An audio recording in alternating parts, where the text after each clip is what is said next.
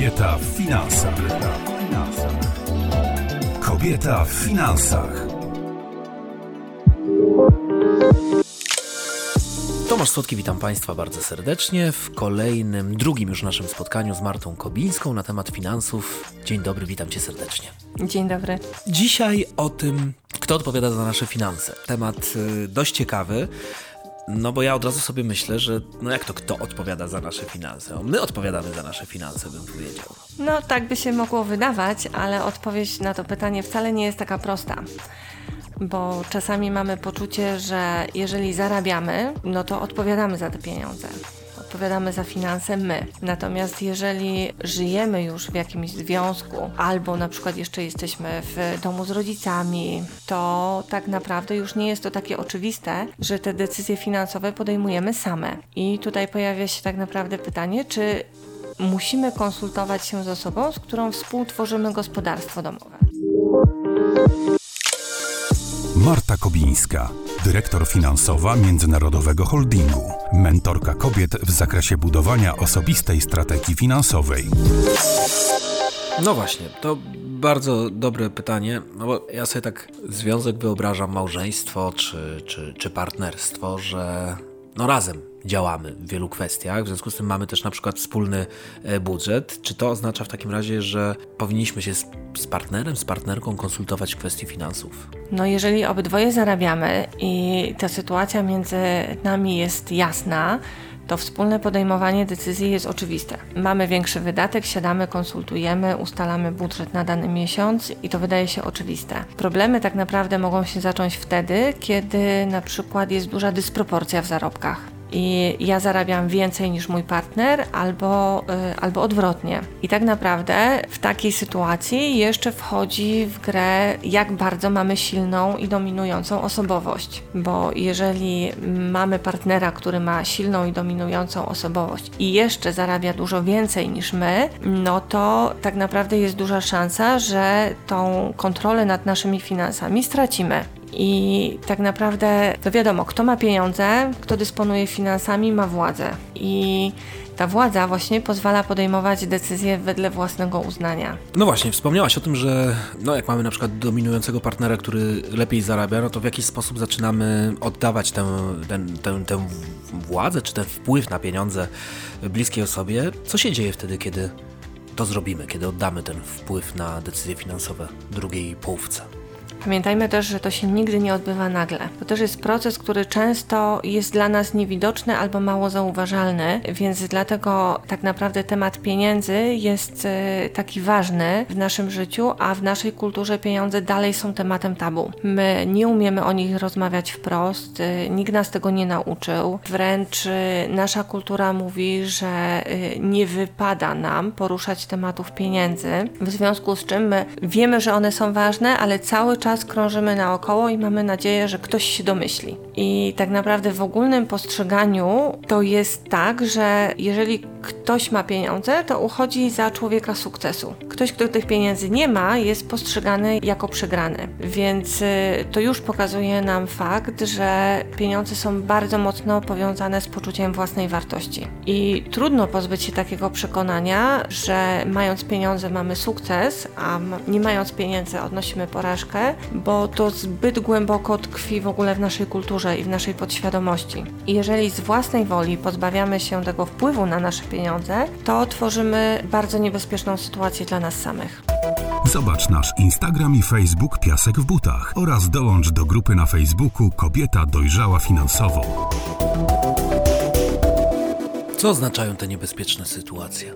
No przede wszystkim z jednej strony możemy się czuć wręcz komfortowo, że wszystkie te trudne decyzje związane z pieniędzmi są niejako poza nami. Nie musimy się obawiać, że popełnimy jakiś błąd, że źle zainwestujemy, że stracimy, że przepłacimy za coś, no bo to przecież ktoś inny bierze y, na siebie całą odpowiedzialność. Natomiast y, kolejnym też aspektem jest nasza wiedza na temat finansów I niestety edukacja finansowa u nas w kraju leży i kwiczy i tak naprawdę bardzo wiele z nas nie czuje się komfortowo zarządzając naszymi pieniędzmi, bo po prostu też brakuje nam wiedzy. I oddając te nasze finanse, wszystko to, co zarobimy w ręce innych, tak naprawdę jakby zwalniamy się z tej odpowiedzialności, że musimy wiedzieć więcej. Musimy się orientować na przykład, nie wiem, na co zwracać uwagę biorąc kredyt, y, czy na co zwracać uwagę zakładając lokatę, czy kupując jakieś akcje, czy inwestując w cokolwiek, no to my już tych decyzji nie musimy podejmować. Natomiast ta nasza minimalna wiedza powoduje to, że nie musimy się mierzyć z naszym niskim poczuciem własnej wartości.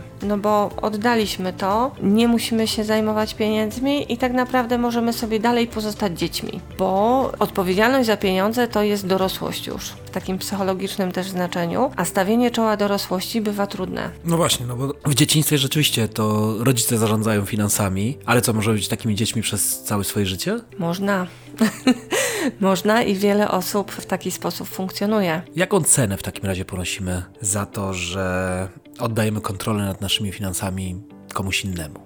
No, cena może być bardzo wysoka. Tym bardziej, że w takiej sytuacji same pozycjonujemy się w roli ofiary i uzależniamy się od osoby, której, y, której tą władzę oddałyśmy. Czyli tak naprawdę oddając y, pod kontrolę nasze pieniądze, zaczynamy być zależne. I jest to też dosyć e, często obserwowane zjawisko w naszym społeczeństwie, szczególnie w momencie, kiedy na świat przychodzą dzieci. Że jest ojciec, głowa rodziny, on zarabia na utrzymanie, a matka zazwyczaj dba o dom, dba o dzieci, dba o to ognisko domowe. Ale w momencie, kiedy podejmie taką decyzję, że rezygnuje z pracy, jej poświęcenie dla dobra domu często jest niedoceniane. I jest to też powszechnie akceptowalne, że praca, jaką wykonujemy w domu, czyli opieka nad dziećmi, sprzątanie, gotowanie, jest pracą, która w ogóle y, nie jest spłatna. Tak naprawdę my nie otrzymujemy żadnego wynagrodzenia, jeżeli poświęcamy swoją karierę czy swoją pracę na rzecz y, wychowania dzieci i zadbania o dom.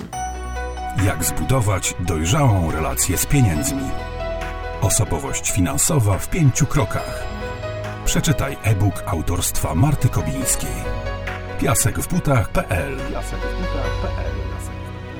kiedy napisałem książkę Mistrzowie Zmian, w której też zresztą jesteś ekspertką od finansów i rozmawiamy tam o zmianie finansów, e, no to wiem, że wszystko można zmienić. No, tak mm, żartobliwie tutaj zadam pytanie, że pewnie to, to też możemy zmienić. Możemy. E, możemy, ale to nie będzie łatwe, jeżeli do tej pory funkcjonowałyśmy w taki sposób. I tutaj przede wszystkim nasza świadomość na temat finansów musi być e, znacznie większa. I przywołam tutaj naszą rozmowę o dojrzałości finansowej z poprzedniego naszego spotkania. Ja zawsze klientkom moim polecam y, szczerość z partnerem, czyli tak, takie powiedzenie mu o swoich emocjach związanych z tą sytuacją i zachęcam też do tego, żeby jak już rezygnują z pracy, to za swoją pracę w domu ustaliły wynagrodzenie. To nie jest y, powszechne u nas w kraju, natomiast jest to podejście fair. Czyli po prostu ustalam, że nie wiem, moja praca w domu przy na przykład wychowaniu dzieci, gotowaniu, organizowaniu, nie wiem, finansów, wszystkiego, to jest na przykład 3000 zł miesięcznie. No na przykład tak, no bo weźmy sobie pod uwagę kilka czynników z tym związanych. Jeżeli poszłybyśmy do pracy, musiałybyśmy najpewniej albo oddać dziecko do żłobka,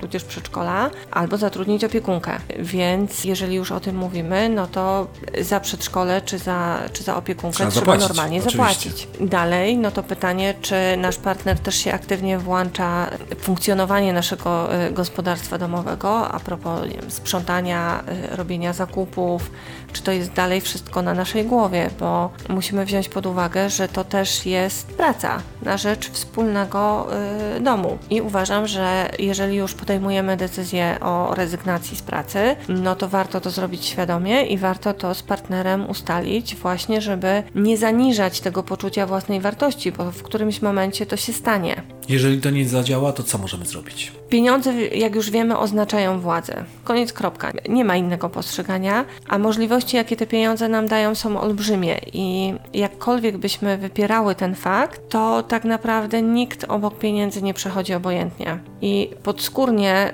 y, czujemy, że mając własne pieniądze, możemy więcej i od nas zależy, jak to wykorzystamy. Jednak jeżeli tą kontrolę oddałyśmy w ręce partnera, no to nie czekajmy, aż wydarzy się coś, co postawi nas w nieciekawym położeniu. Co masz na myśli? No chociażby rozwód. Znam taki przypadek, gdzie mąż planował rozwód od długiego czasu, sprytnie rozdysponował wspólny majątek i w momencie pójścia już na salę sądową, niczego nieświadoma żona dowiedziała się, że ten majątek jest bliski zeru. No bo w zasadzie nic już nie należało do nich, a wcześniej nie angażowała się ani w domowe finanse, ani tak naprawdę nie miała wiedzy, jaki jest aktualny stan ich majątku, więc y, jakby ta niewiedza boli.